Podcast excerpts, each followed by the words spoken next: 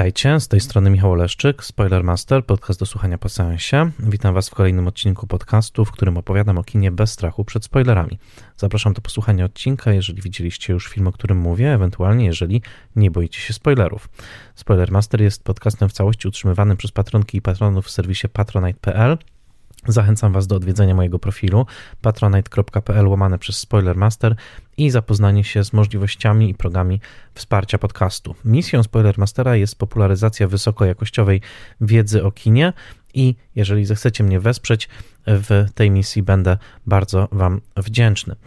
E, najbardziej dziękuję moim patronkom i patronom imiennym, to znaczy Michałowi Hudolińskiemu ze strony Gotam w deszczu, Dianie Dąbrowskiej z Akademii Włoskiego Kina, Agnieszce Egeman, Odjemu Hendersonowi, Beacie Hołowni, Annie Jóźwiak, Tomaszowi Kopoczyńskiemu, Justynie Koronkiewicz, Bartkowi Przybyszewskiemu, autorowi bloga Liczne Rany Kłuta, na którym przeczytać można o kinie, komiksie, internecie i telewizji, Konradowi Słoce, Mateuszowi Stępniowi, Jerzemu Zawadzkiemu i Tomaszowi Mączce, autorom podcastu Let's Made Movies, prezentującego ciekawe analizy filmowe, blogowi Przygody Scenarzysty, prezentującego analizy scenariuszowe, a także Fundacji Wasowskich, dedykowanej ochronie spuścizny Jerzego Wasowskiego i wydającej książki Grzegorza Wasowskiego. Dziękuję serdecznie im wszystkim, dziękuję wszystkim patronkom i patronom i dziękuję wszystkim słuchaczkom i słuchaczom tego podcastu. Serdecznie dziękuję Wam za słuchanie, za to, że jesteście i zachęcam także do szerowania e, informacji o podcaście, tak aby Spoilermaster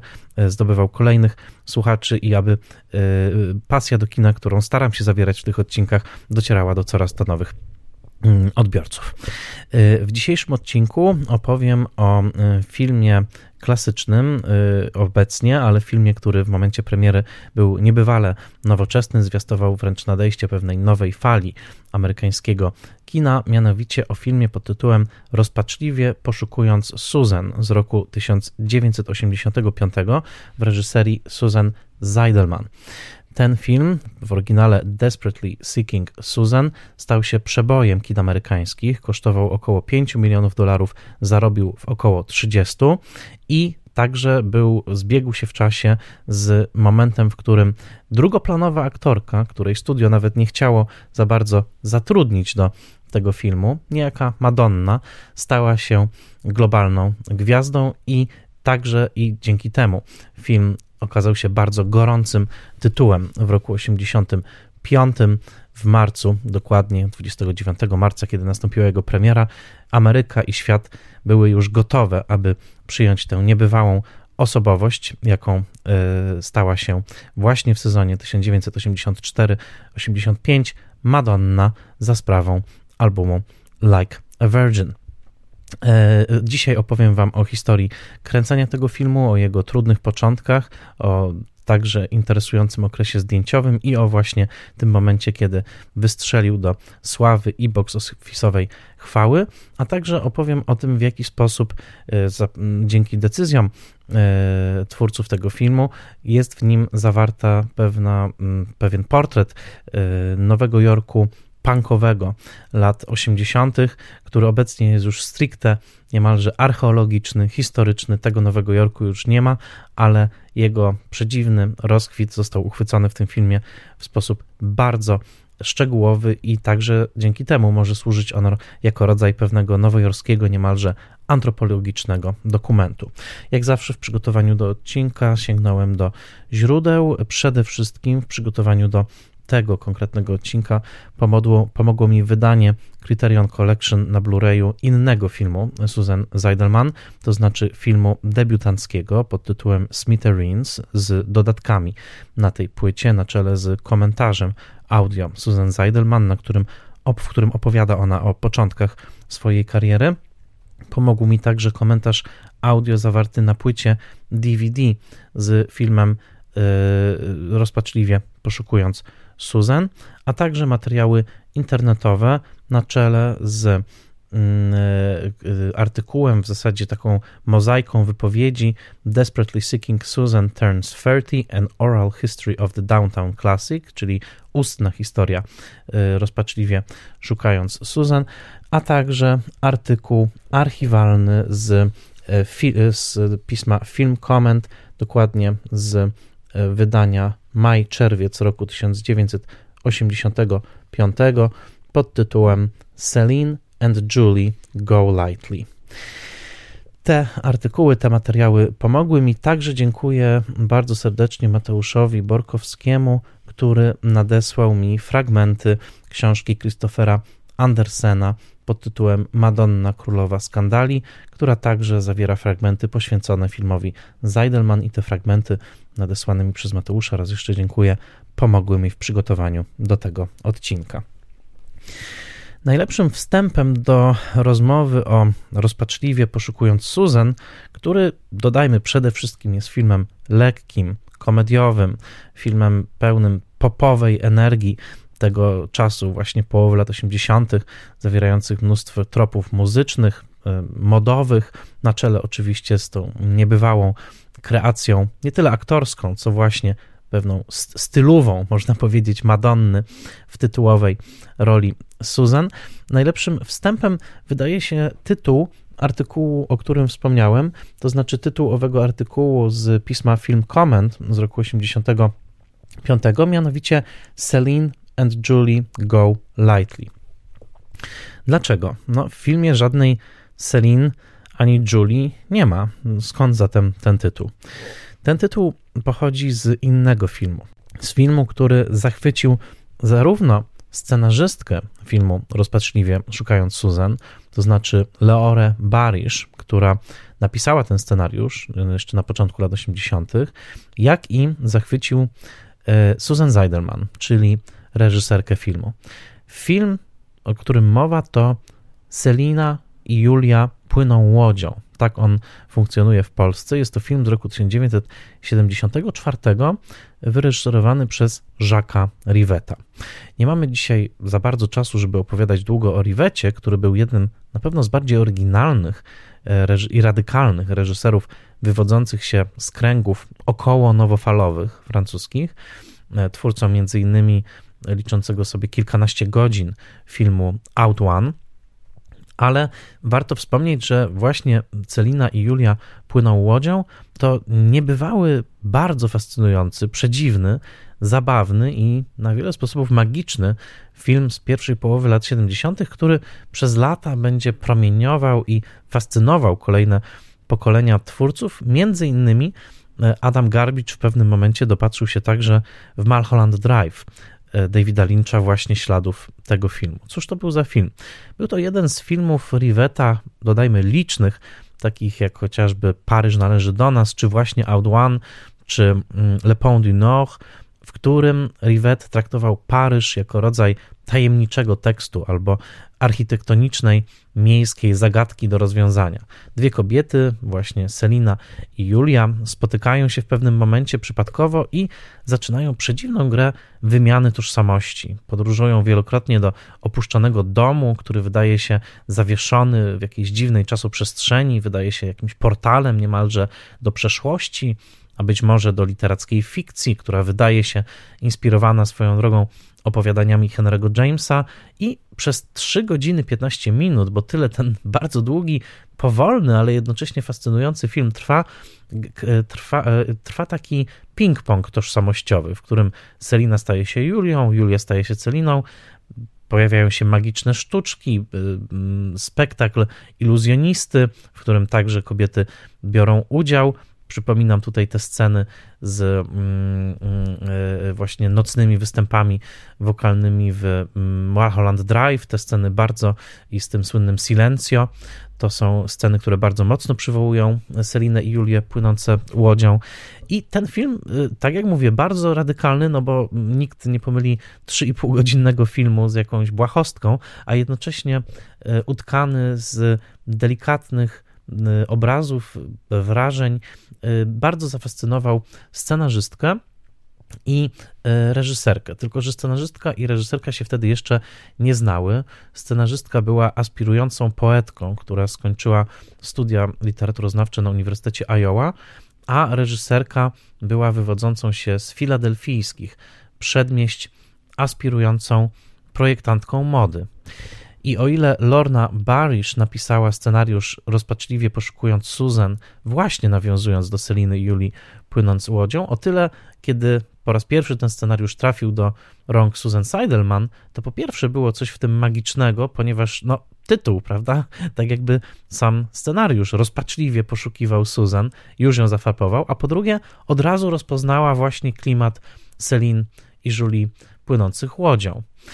I jeżeli już widzieliście film, zakładam, że widzieliście, to wiecie, że rozpaczliwie poszukując Susan jest właśnie opowieścią o wymianie tożsamości. Mamy Robertę, graną w filmie przez Rosanę Arquette i mamy mm, Susan, graną przez Madonnę. E, Roberta jest e, gospodynią domową z Fort Lee w stanie New Jersey. Swoją drogą to tam właśnie, dokładnie w tym mieście rodziło się amerykańskie kino. Pierwsze amerykańskie filmy były tam kręcone pod koniec XIX wieku.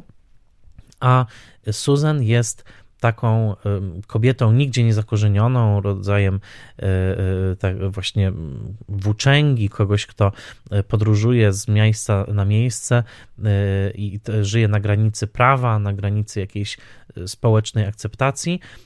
I dokładnie mamy te dwie bardzo różne kobiety, jedną mocno osadzoną w domowości, szacowności klasy średniej, a drugą właśnie żyjącą praktycznie, no można powiedzieć, na ulicy, szukającą noclegu e, od, od miejsca do miejsca i nigdy nie, mogą, nie mogącą być pewną, skąd przyjdzie jej kolejny posiłek i gdzie spędzi kolejną, mm, kolejną noc. I te kobiety są w przedziwny sposób, być może przez sam los, przyciągane mm, wzajemnie.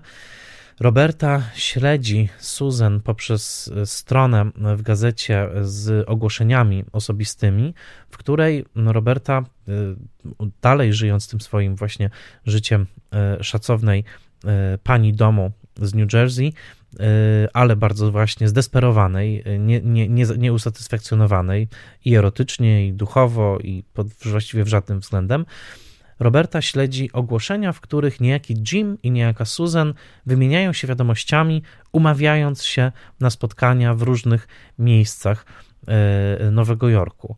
I Roberta, czytając te ogłoszenia, snuje fantazje na temat Susan, właśnie na, e, bardzo romantyczne, e, postrzegające Susan jako rodzaj wolnego ducha, właśnie kobiety, która żyje romantycznym, romantycznym, romantycznym życiem, które Roberta zna tylko z filmów w wielomówiącej scenie Roberta siedzi w nocy w kuchni e, swojego wyposażonego we wszelkie atrybuty nowoczesności lat 80. w Stanach domu.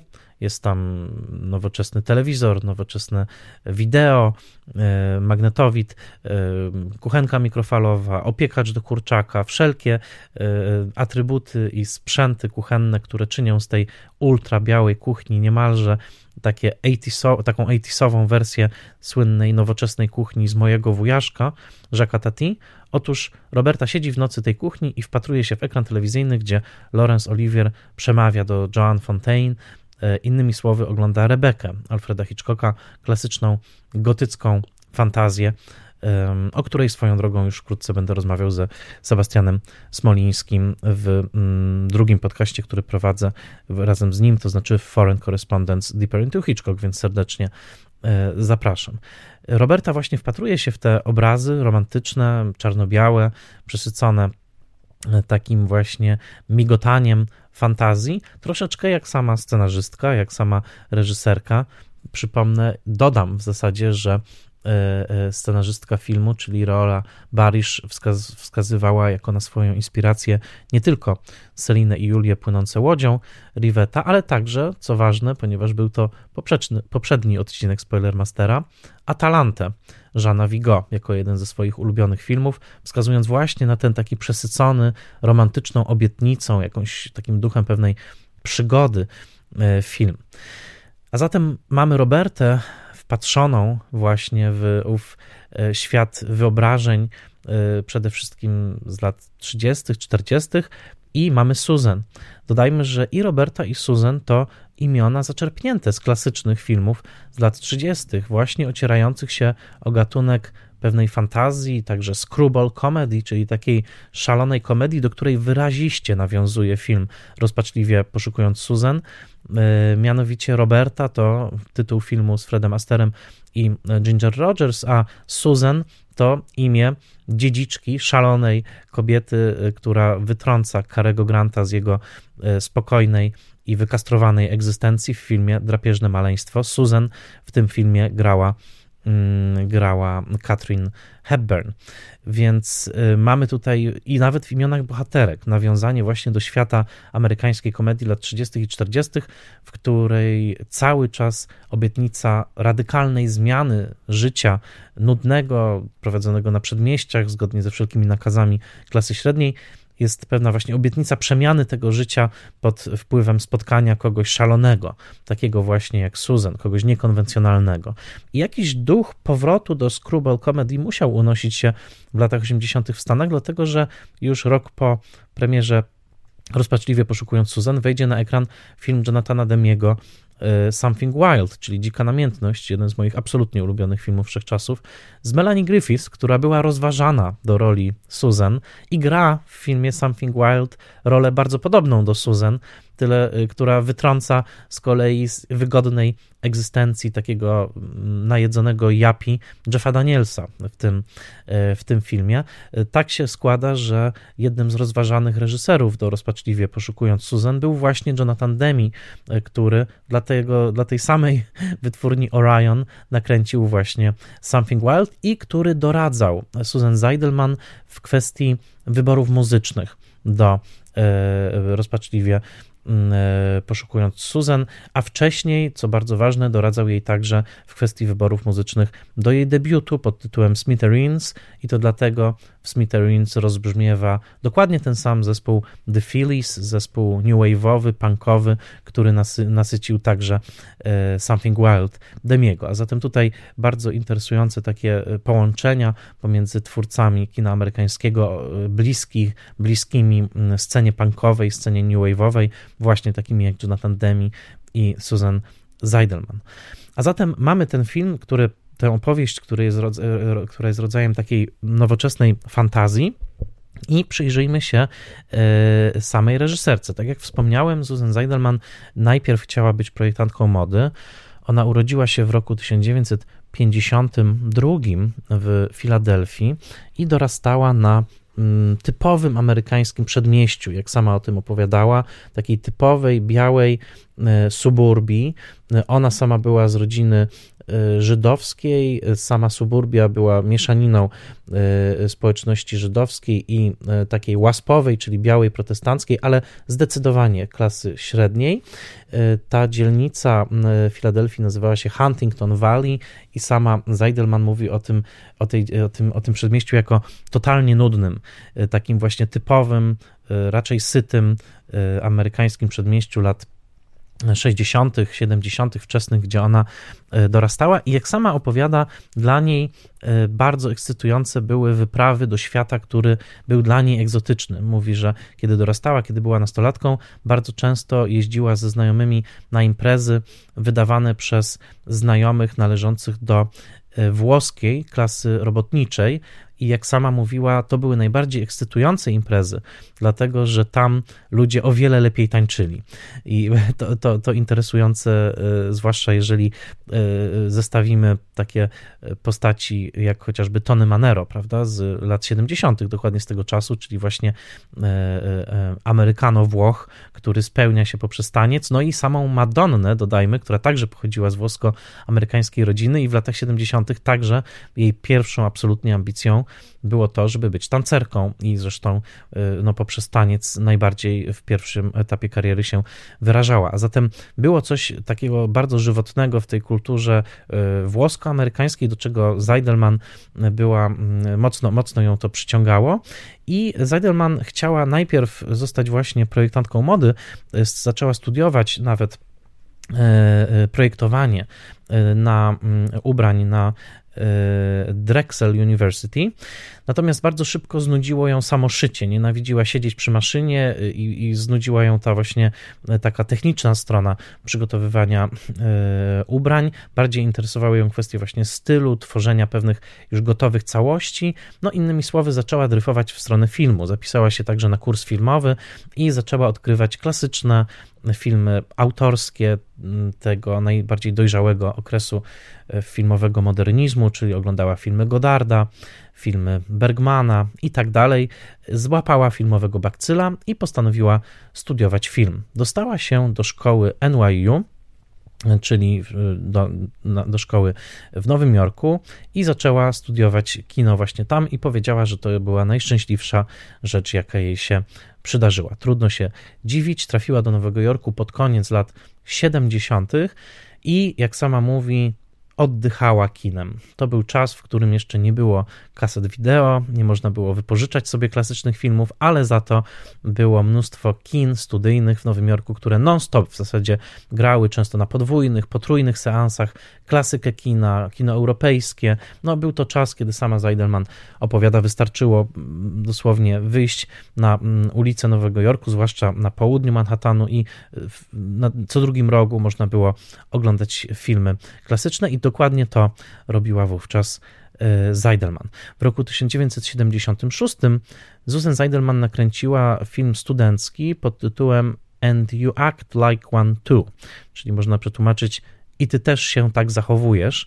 Film, który był nominowany do tak zwanego studenckiego Oscara, 26-minutowy short, czarno-biały, bardzo interesujący i dostępny na Blu-rayu Criteriona z filmem Smithereens, opowiadający o frustracji, hmm, no właśnie, zwróćmy uwagę na temat. O frustracji e, gospodyni domowej gdzieś z przedmieść. Film był kręcony w domu rodziców e, Zeidelman, więc możemy się przyjrzeć tym przedmieściom Filadelfii, na których e, wyrastała, właśnie w owym Huntington Valley. I opowiada o kobiecie sfrustrowanej erotycznie i, i, i w ogóle życiowo, której małżeństwo jest całkowicie przewidywalne, nudne. Jest tam prze, prze, nie, niezwykła scena, jak na lata 70. pod prysznicem, kiedy mąż prosi żonę o umycie pleców i ona zaczyna no, czynić takie erotyczne awanse w jego stronę, bardzo realistycznie pokazane i on je odrzuca. Nie, nie znam takiej drugiej sceny w całym kinie lat 70., w którym był pokazany właśnie erotyczny głód kobiety, odrzucony przez e, mężczyznę, pokazany tak bezpośrednio i widać było, że Zeidelman tutaj ujawnia taki swój feministyczne spojrzenie, właśnie pokazywania relacji z punktu widzenia e, kobiecego. E, w pewnym momencie otwiera się pewna możliwość romansu w tym filmie pozamałżeńskiego, no i nie zdradzę do końca, co się, co się dzieje, ale całość była bardzo realistycznym i takim empatycznym portretem właśnie kobiety, która, której nie zadowala e, egzystencja na przedmieściach amerykańskich, tak jak ta egzystencja nie mogła zadowolić Zeidelman, która w pewnym sensie uciekła do Nowego Jorku. W roku 79 powstaje kolejny short e, Zeidelman pod tytułem Yours Truly Angela G. Stern, czyli dosłownie z poważaniem Angela G. Stern, dłuższy, około 40-minutowy, już nakręcony na, na taśmie barwnej, bardzo ciekawy, który opowiada o dziecku przeżywającym rozwód rodziców. Właściwie jest to taki portret rozwodu widzianego poprzez oczy dziecka, oczy tytułowej właśnie Angeli G. Stern, która pisze pamiętnik, ale pisze też takie jakby listy, w których mm, zwierza się ze swoich uczuć, przede wszystkim związanych z faktem, że matka zaczyna nowy związek już po rozwodzie i Angela nie może się z tym pogodzić. Bardzo subtelny psychologicznie film, który pokazuje przede wszystkim y, taką dziwną, bardzo ostrożną relację pomiędzy właśnie Angelą i tym nowym partnerem matki. Tam jest taka próba zaprzyjaźnienia się, ona, ona różnie, różnie idzie, ale e, rzeczywiście film znowu wyraźnie osadzony w kobiecej subiektywności, pokazujący właśnie świat oczami 11-letniej, e, 12-letniej dziewczynki, tytułowej Angeli, która co ciekawe w ostatniej scenie zostaje zapytana przez samą autorkę, przez samą reżyserkę, słyszymy głos Zeidelman, jak chciałaby, żeby jej historia się skończyła.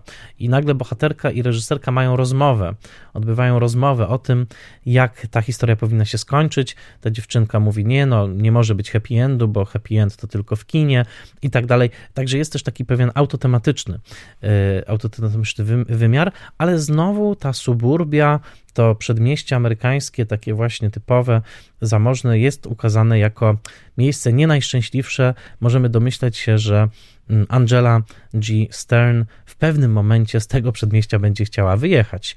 No i można powiedzieć tak, no i wyjechała jako Susan Susan e, e, Zeidelman.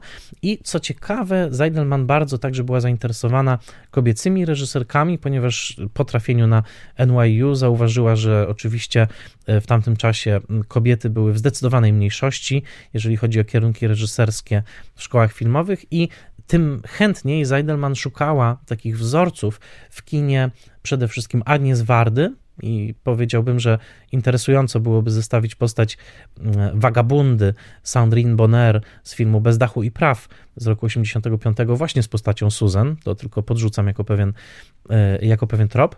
E, swoją drogą, jak wiemy, e, Warda była Madonną zafascynowana.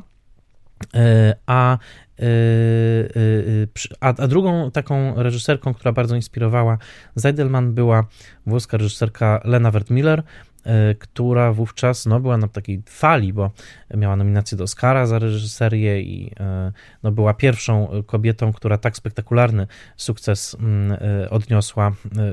Przy czym, co ciekawe, bardzo szybko ta, ta kariera, ta reputacja gdzieś przybladła. Obecnie Wert Miller jest odkrywana, odkrywana na nowo, ale to był taki rozbłysk, który dosyć szybko się skończył. Mm, obecnie powoli wraca się do tych filmów. Kto wie, może to też jest jakiś temat na odcinek, na odcinek odcinek Spoilermastera. I dochodzimy do punktu kluczowego, to znaczy do debiutu. Do debiutu, który był bardzo niezwykły, do debiutu pełnometrażowego, który na ekrany wchodzi w roku 82, ale nad którym Zeidelman pracowała od roku 79, mianowicie filmu Smithereens. Tego właśnie wydanego przez Criteriona, e, film, który no dosłownie można przetłumaczyć jako drzazgi albo drobny mak tak można przetłumaczyć, że coś można rozwalić właśnie na smithereens, takie, takie drobne cząstki. E, film naprawdę niezwykły, jako portret Nowego Jorku początku lat 80., Nowego Jorku punkowego, tego, którego odpryski możemy także widzieć chociażby w filmach Jima Jarmusza albo w takich filmach jak chociażby Times Square powstały w 80, e, w 80 roku. E, to był kluczowy moment, mianowicie Zeidelman zafascynowana właśnie tym Nowym Jorkiem, którego burmistrzem był Ed Koch, Nowym Jorkiem, który przechodził ogromny kryzys fiskalny i przede wszystkim tą dzielnicą, jaką było East Village i tak zwane Alphabet City, czyli właśnie mm, wschodnie, wschodnio-południowy skrawek Manhattanu, e, czyli pierwsza aleja, druga aleja i te aleje oznaczone literami, czyli A, B i C. E, to był taki świat, w którym czynsze były bardzo niskie, przestępczość była dosyć wysoka, e, można było wynająć loft czy mieszkanie za dosłownie parę dolarów. Mm, na przykład muzyk Richard Hell, który wystąpił w tym filmie i który wystąpi w Rozpaczliwie poszukując Susan, wynajmował mieszkanie na rogu 14 ulicy i Irving Place, swoją drogą chyba jednym z najpiękniejszych miejsc Nowego Jorku. Mówię to jako miłośnik Nowego Jorku, który uważa całe to miasto za piękne, ale naprawdę Irving Place i 14 to jest magiczne miejsce, do którego zawsze wracałem, ilekroć byłem w tym mieście. On wynajmował to mieszkanie za 20 dolarów, więc spróbujcie teraz wynająć kubek kawy za 20 dolarów w Nowym Jorku. W każdym razie to był właśnie taki czas, że te okolice Union Square, Washington Square Park y, i, i, i właśnie East Village były takim bardzo. Mm, żyznym miejscem, gdzie kultura punkowa rozkwitała. Był to także mm, teren, na którym rozkwitała kultura voguingowa, o której mogliście posłuchać w odcinku o Paris is Burning.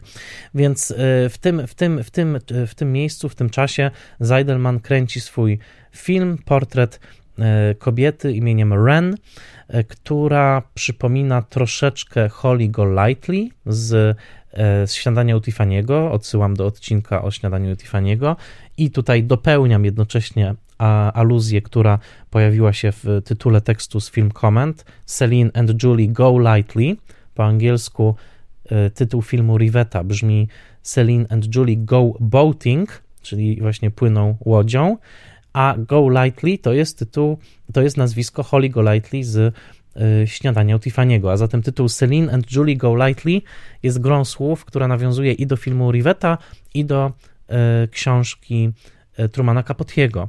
I to nie przypadek, dlatego że właśnie postać Ren ze Smithereens i postaci z E, rozpaczliwie poszukując Susan, zostały błyskawicznie rozpoznane także jako aluzje do postaci Trumana Capotiego, właśnie Holly Golightly, czyli tej dziewczyny, która przyjeżdża z prowincji do Nowego Jorku po to, żeby odnaleźć się na nowo.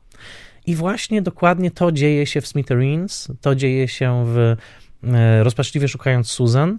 Co prawda w Smithereens I y, dziewczyna jest z New Jersey, więc można powiedzieć z sąsiadującego stanu, wystarczy przepłynąć rzekę. A, I to samo także dotyczy Roberty, która też jest z New Jersey w Rozpaczliwie poszukując Susan, ale motyw jest ten sam. To znaczy właśnie Nowy Jork jako wciąż żyzna gleba, na której dusza spragniona czegoś innego, spragniona czegoś więcej, spragniona większej indywidualności, E, e, nie mogąca się odnaleźć w tych takich sztywnych ramach amerykańskiej klasy średniej z przedmieścia, może się odnaleźć. I teraz właśnie trafiliśmy w sedno, to znaczy Celine and Julie Go Lightly, e, tak był zatytułowany tekst w film Comment o rozpaczliwie poszukując Susan, no właśnie dlatego, że tutaj spotykają się te wpływy francuskie nowofalowe z toposem Holly Golightly, czyli tej postaci, tej właśnie dziewczyny, która chce stworzyć się na nowo w Nowym Jorku. I e, ten film Smithereens, o którym wspominam, czyli pełnometrażowy e, debiut Susan Zeidelman, opowiadał właśnie o takiej dziewczynie, która e, krąży po Nowym Jorku, krąży właśnie po tych mm, mm, pokrytych graffiti stacjach metra, rozkleja kserowane na ksero, w którym pracuje, ulotki, chce być sławna, nie wiadomo do końca na czym polega jej talent, to bardzo ważny element tego filmu, że ona do końca nie wie, kim jest, także jako artystka w sumie nie jest artystką, no nie wiadomo, co ona tworzy, ale chce być sławna. I po Warholowsku chciałoby się powiedzieć, multiplikuje swój wizerunek, rozkleja go po stacjach metra nowojorskiego e, z takim napisem, kim jest ta dziewczyna, dosłownie, to będzie swoją drogą tytuł potem filmu także z Madonną. I właśnie krąży coraz to bardziej zdesperowana w poszukiwaniu takiego, no jakby chciałaby się wpić w ten Nowy Jork, żeby tylko nie wrócić do New Jersey i do końca jej się to nie udaje w tym filmie, jest taki tragiczny wymiar w Smithereens, tam jest sugestia tego, że być może w ostatniej scenie bohaterka jest na krawędzi zostania prostytutką, że być może jest taka już w takim momencie desperacji, że przyjmie pewną erotyczną y, ofertę od potencjalnego właśnie klienta, ale Zeidelman zatrzymuje film w tym momencie na stop klatce nawiązującej do 400 batów François Truffaut y, i, i, i tego już nie widzimy.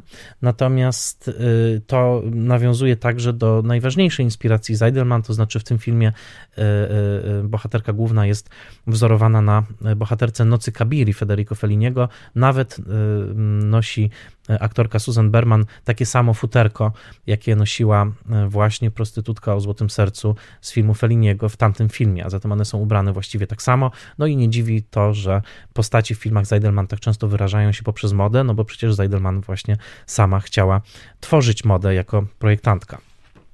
I to, co jest bardzo interesujące i to warto dostrzec i w Smithereens, i w e, Rozpaczliwie poszukując Susan, to jest to, że w tym punkowym Nowym Jorku, w którym przewijają się właśnie te postaci, jak chociażby Richard Hell, czyli właśnie e, muzyk, który pojawia się w obydwu tych filmach, w których można dostrzec postaci takie jak John Lurie, który także jest znany z filmów Jarmusza i e, który pojawia się jako saksofonista w rozpaczliwie poszukując Susan i to, że widzimy właśnie te, kru, te kluby w takich no już naprawdę rozpadających się różnych lokacjach z farbą odchodzących od ścian, w których właśnie punkowa muzyka rozbrzmiewa i to, że widzimy e, charakterystyczne dla East Village lokacje, takie jak chociażby St. Mark's Place, które było takim miejscem no, ciągłego niemalże targu ulicznego, gdzie można było kupić bardzo interesujące stroje, właśnie takie eklektyczne, charakterystyczne dla tego punkowego Nowego Jorku. Że to wszystko tutaj tworzy pewien, pewien, pewien moment, pewien portret momentu w rozwoju Nowego Jorku, pewnego stylu, który po latach, po dekadzie w zasadzie, dekadzie z układem, wykiełkuje w kolejne wcielenie nowojorskie. To jest najbardziej fascynujący element, bo jak spojrzycie na y, y, rozpaczliwie poszukując Susan i Smithereens, to jeżeli dobrze się spojrzeć, jeśli tylko zmrużyć oczy, zobaczycie, że w tej glebie sportretowanej w tych filmach są już ziarenka, które wykiełkują w Nowy Jork lat 90., już bardziej zamożny, bardziej przepełniony tą clintonowską obietnicą nowego, zamożnego, pozimnowojennego ładu, Nowego Jorku zgentryfikowanego. Mianowicie te ziarenka to są ziarenka seksu w wielkim mieście. E, dosłownie. To właśnie Susan Zeidelman po latach wyreżyseruje pilot, pilotowy odcinek serialu HBO Sex w Wielkim Mieście i pomoże jak to się mówi w języku telewizyjnej produkcji, sformatować ten serial. To znaczy będzie miała wpływ, wpływ na casting, na styl wizualny, na styl kostiumowy tego serialu. E, w, co więcej, w Smithereens jedną z osób dostarczających stroje, bo Ren była niejaka Pat Fields, która posiadała sklep odzieżowy, taki ciucheks, właśnie na St. Mark's Place, czyli dosłownie w tym miejscu, które widzimy w także w Rozpaczliwie Poszukując Susan, gdzie właśnie tworzyła ten nowy, eklektyczny styl. Te wszystkie e, e, kurtki z monogramami, e, ażurowe stroje, łączenie baletowego tutu z skórzaną kurtką i z butami Converse, tak, i tak dalej. To wszystko, Pat Fields była osobą, która dostarczała strojów także do Smithereens y, i która współpracowała z Zeidelman i ona będzie projektowała stroje dla Sex and the City po latach. Jeżeli przyjrzycie się ostatniej scenie Smithereens w furgonetce i zobaczycie mm, transwestytę z bandaną na czole, to jest to Chris North, czyli Mr. Big z Sex in the City, tak? Więc innymi... I jeżeli spojrzycie na bohaterki, takie właśnie jak bohaterka Rosanna Arquette, bohaterka y, Susan Berman w Smithereens, czyli mówimy o latach 80-85, to to są pierwsze wcielenia Carrie Bradshaw. Innymi słowy, jeżeli napisać by taką pełną y, chronologię tych bohaterek, które właśnie rzucają wyzwanie konwencji, które jakoś odnajdują się na nowo w Nowym Jorku, no to mielibyśmy Holly Golightly, y, mielibyśmy właśnie postaci z filmów Zeidelman i mielibyśmy Carrie Bradshaw. A gdzieś tam, gdzieś tam ich prababkami są właśnie takie szalone dziedziczki, jak chociażby Susan z drapieżnego maleństwa. I to jest fascynujące, że właśnie w tych filmach odbija się kultura punkowa lat 80. i to jest za, ogromna zasługa Zeidelman, bo pamiętajmy, że w scenariuszu e, oryginalnym Leory Barish tych motywów nie było. E, e, tak jak sama Zeidelman po lekturze scenariusza powiedziała, że było coś bardzo retro w tekście Barish. Zresztą z wszelkich wypowiedzi Barish można wnosić, że ona nie do końca, nie do końca była zadowolona z tego, jak Susan Zeidelman zmieniła jej scenariusz, bo w oryginale w ogóle postaci miały być grane postać Roberty przez Diane Keaton, a postać e, Susan przez Goldie Hawn i Diane Keaton miała być ucharakteryzowana na taką późną hipiskę. Ona miała nosić właśnie koszule hipisowskie, miała być taką, e, taką właśnie podróżującą po Stanach hipiską a y, zamiast klubów punkowych, które widzimy w tym filmie, w których rozbrzmiewa między innymi Into the Groove właśnie Madonny, E, swoją drogą piosenka, która odniosła ogromny sukces i której e, wideoklip polegał na zestawieniu scen z filmu. E, otóż zamiast tych punkowych klubów w scenariuszu były kluby jazzowe, czyli innymi słowy to miał być taki film retro pokazujący taki lekko właśnie wciąż jazzujący Nowy Jork, kojarzący się może, nie wiem, z New York, New York Martina Scorsese'ego, w którym właśnie pojawia się hipiska Susan i, i wszystko jest rozegrane w takim sosie bardzo retro nostalgicznym. I tutaj rozminęły się wizje scenarzystki i reżyserki. Scenarzystka chyba do końca nigdy tego nie zaakceptowała, no ale sukces 30 milionów dolarów dla filmu jednak chyba ją troszkę uspokoił. Mianowicie Susan Zeidelman postanowiła nasycić film tą kulturą punkową. Ona postanowiła uchwycić to, co ją tak zafascynowało i co pokazała w Smithereens, w filmie, który swoją drogą był pierwszym amerykańskim filmem niezależnym w ogóle, który dostał się do głównego konkursu festiwalu w Cannes i konkurował o, o Złotą Palmę, która tego roku powędrowała do Jalmaza e, Guneja, e, tureckiego twórcy za film Droga, e, egzekwo z Kostą Gawrasem za film Zaginiony. I Zeidelman postanowiła uchwycić to. I to Zeidelman była motorem, który przekształcił tą opowieść właśnie w opowieść o tym punkowym Nowym Jorku. Jednocześnie znalazła idealnego współpracownika w postaci wybitnego operatora Eda Lachmana, który był bardzo mocno nasiąknięty Europą, dlatego że e, pracował lub asystował przy filmach europejskich twórców. Był, asystował Robiemu Millerowi przy właśnie amerykańskim przyjacielu Wendersa, ale także Vittorio Storaro przy Księżycu e, Bernardo Bertolucciego. E, a zatem Ed Lachman który stał się idealnym współpracownikiem Zeidelman, stworzył wizualność rozpaczliwie poszukując Susan i najbardziej jego zasługą jest wprowadzenie takiej wyrazistej palety barwnej. To znaczy o ile już Smithereens, które są filmem bardzo szorstkim, nakręconym na taśmie 16 mm już były bardzo wystylizowanym obrazem punkowego Nowego Jorku, bo wszyscy współpracownicy Zeidelman podkreślają, że to nie był film dokumentalny. Ona bardzo wpływała na scenografię, na e, oświetlenie i tak dalej, żeby stworzyć pewną wizję, taką troszeczkę romantyzującą ów punkowy Nowy Jork. O tyle w rozpaczliwie poszukując Susan ta romantyzacja już dochodzi do krańca, to znaczy ten Nowy Jork świeci bardzo wyrazistymi, neonowymi barwami. Warto też wspomnieć, że wizualne inspiracji dla rozpaczliwie poszukując Susan dostarczyły także filmy początku lat 80., które eksperymentowały mocno z takim agresywnym, popowym stylem oświetlania i kolorystyki. Były takie filmy jak chociażby prosto z serca Francisa Forda Coppoli, e, musical rozgrywający się w rozjarzonym od neonu w Las Vegas, czy Diva Żana Jacques'a Benexa, niebywała wizja Paryża, właśnie przefiltrowana przez takie niemalże komiksowe E, e, kadrowanie, a także Lola e, Rainera Fernera, Wernera Fassbindera, którą Ed Lachman wręcz studiował przed obejrzeniem, przed, przed kręceniem Susan i jeżeli spojrzycie na te filmy z ich właśnie bardzo wyrazistą kolorystyką, z takim niemalże właśnie komiksowym, popartowym oświetleniem i, i właśnie kadrowaniem, to zobaczycie ślady tego w Susan. Zresztą producentki same przyznawały, że dla nich i dla Susan Zeidelman film Benexa, czyli właśnie Diva, był taką główną, e, główną, głównym wzorcem, jeżeli chodzi o wygląd e, i stylistykę, rozpaczliwie poszukując Susan. Także warto zwrócić uwagę na to, że na początku lat 80. faktycznie nastąpiła pewna taka wizualna eksplozja, która czasami w niektórych przypadkach po latach wydaje się kiczowata, ale akurat w przypadkach tych filmów, o których powiedziałem, e, pozostaje fascynującą, stylistyczną ekstrawagancją. Zazwyczaj Lachman zderza ze sobą w kadrze dwie wyraziste barwy, na przykład purpurę i, i, i zgniłą neonową zieleń, albo róż i żółć i y, pokrywał e, obiektyw kamery specjalnymi filtrami żelowymi, e, co w tym samym czasie robił chociażby Sławomir Idziak w krótkim filmie o zabijaniu. W każdym razie Lachman sprawił, że ten Nowy Jork świeci od kolorów i jest bajkową krainą.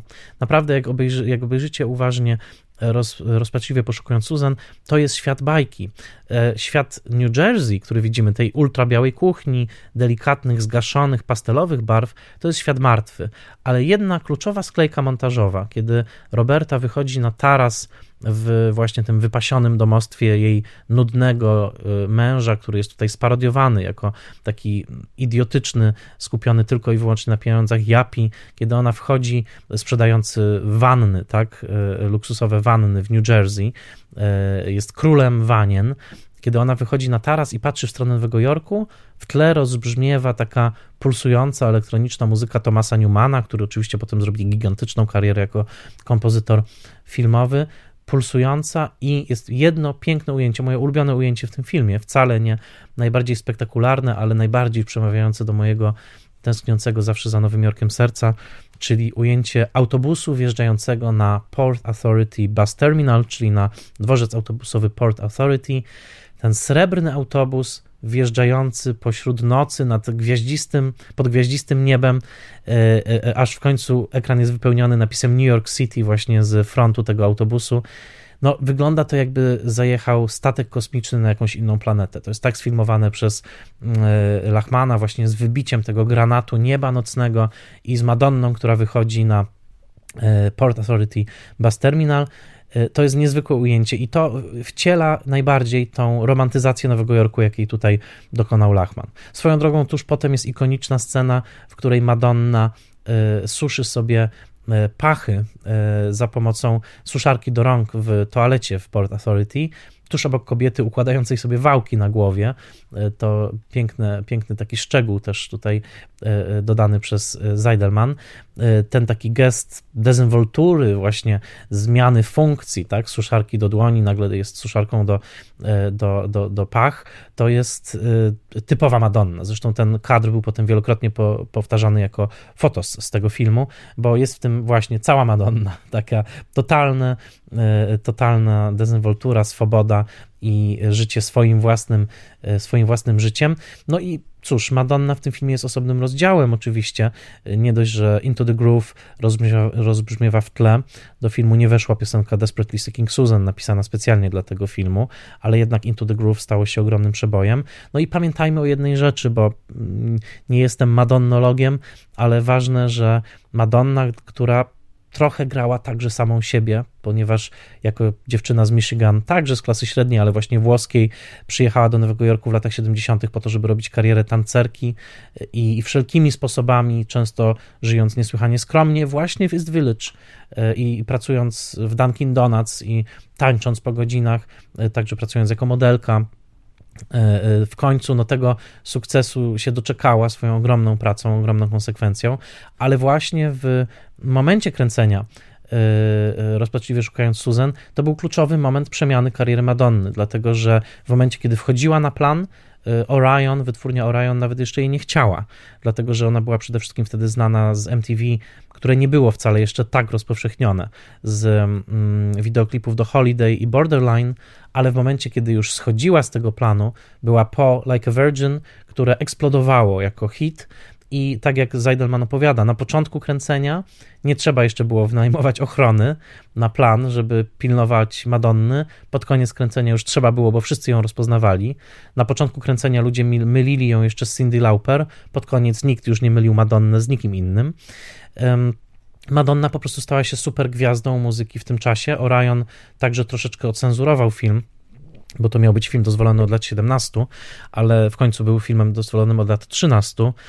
Właśnie dlatego, żeby ta młodzieżowa fanbaza mogła na ten film chodzić. A zatem y, gwiazdorstwo Madonny eksplodowało w trakcie kręcenia ku rozpaczy Rozanny Arquette, która miała być główną gwiazdą tego filmu, y, a no, troszkę ją przyćmiła Madonna i chociażby do nagrody BAFTA Rosanna Arquette, której nazwisko pojawia się przecież na samym początku czołówki, była nominowana jako drugoplanowa aktorka, no bo wszyscy mówiąc, rozpaczliwie poszukując Susan, mieli na myśli przede wszystkim właśnie Madonnę.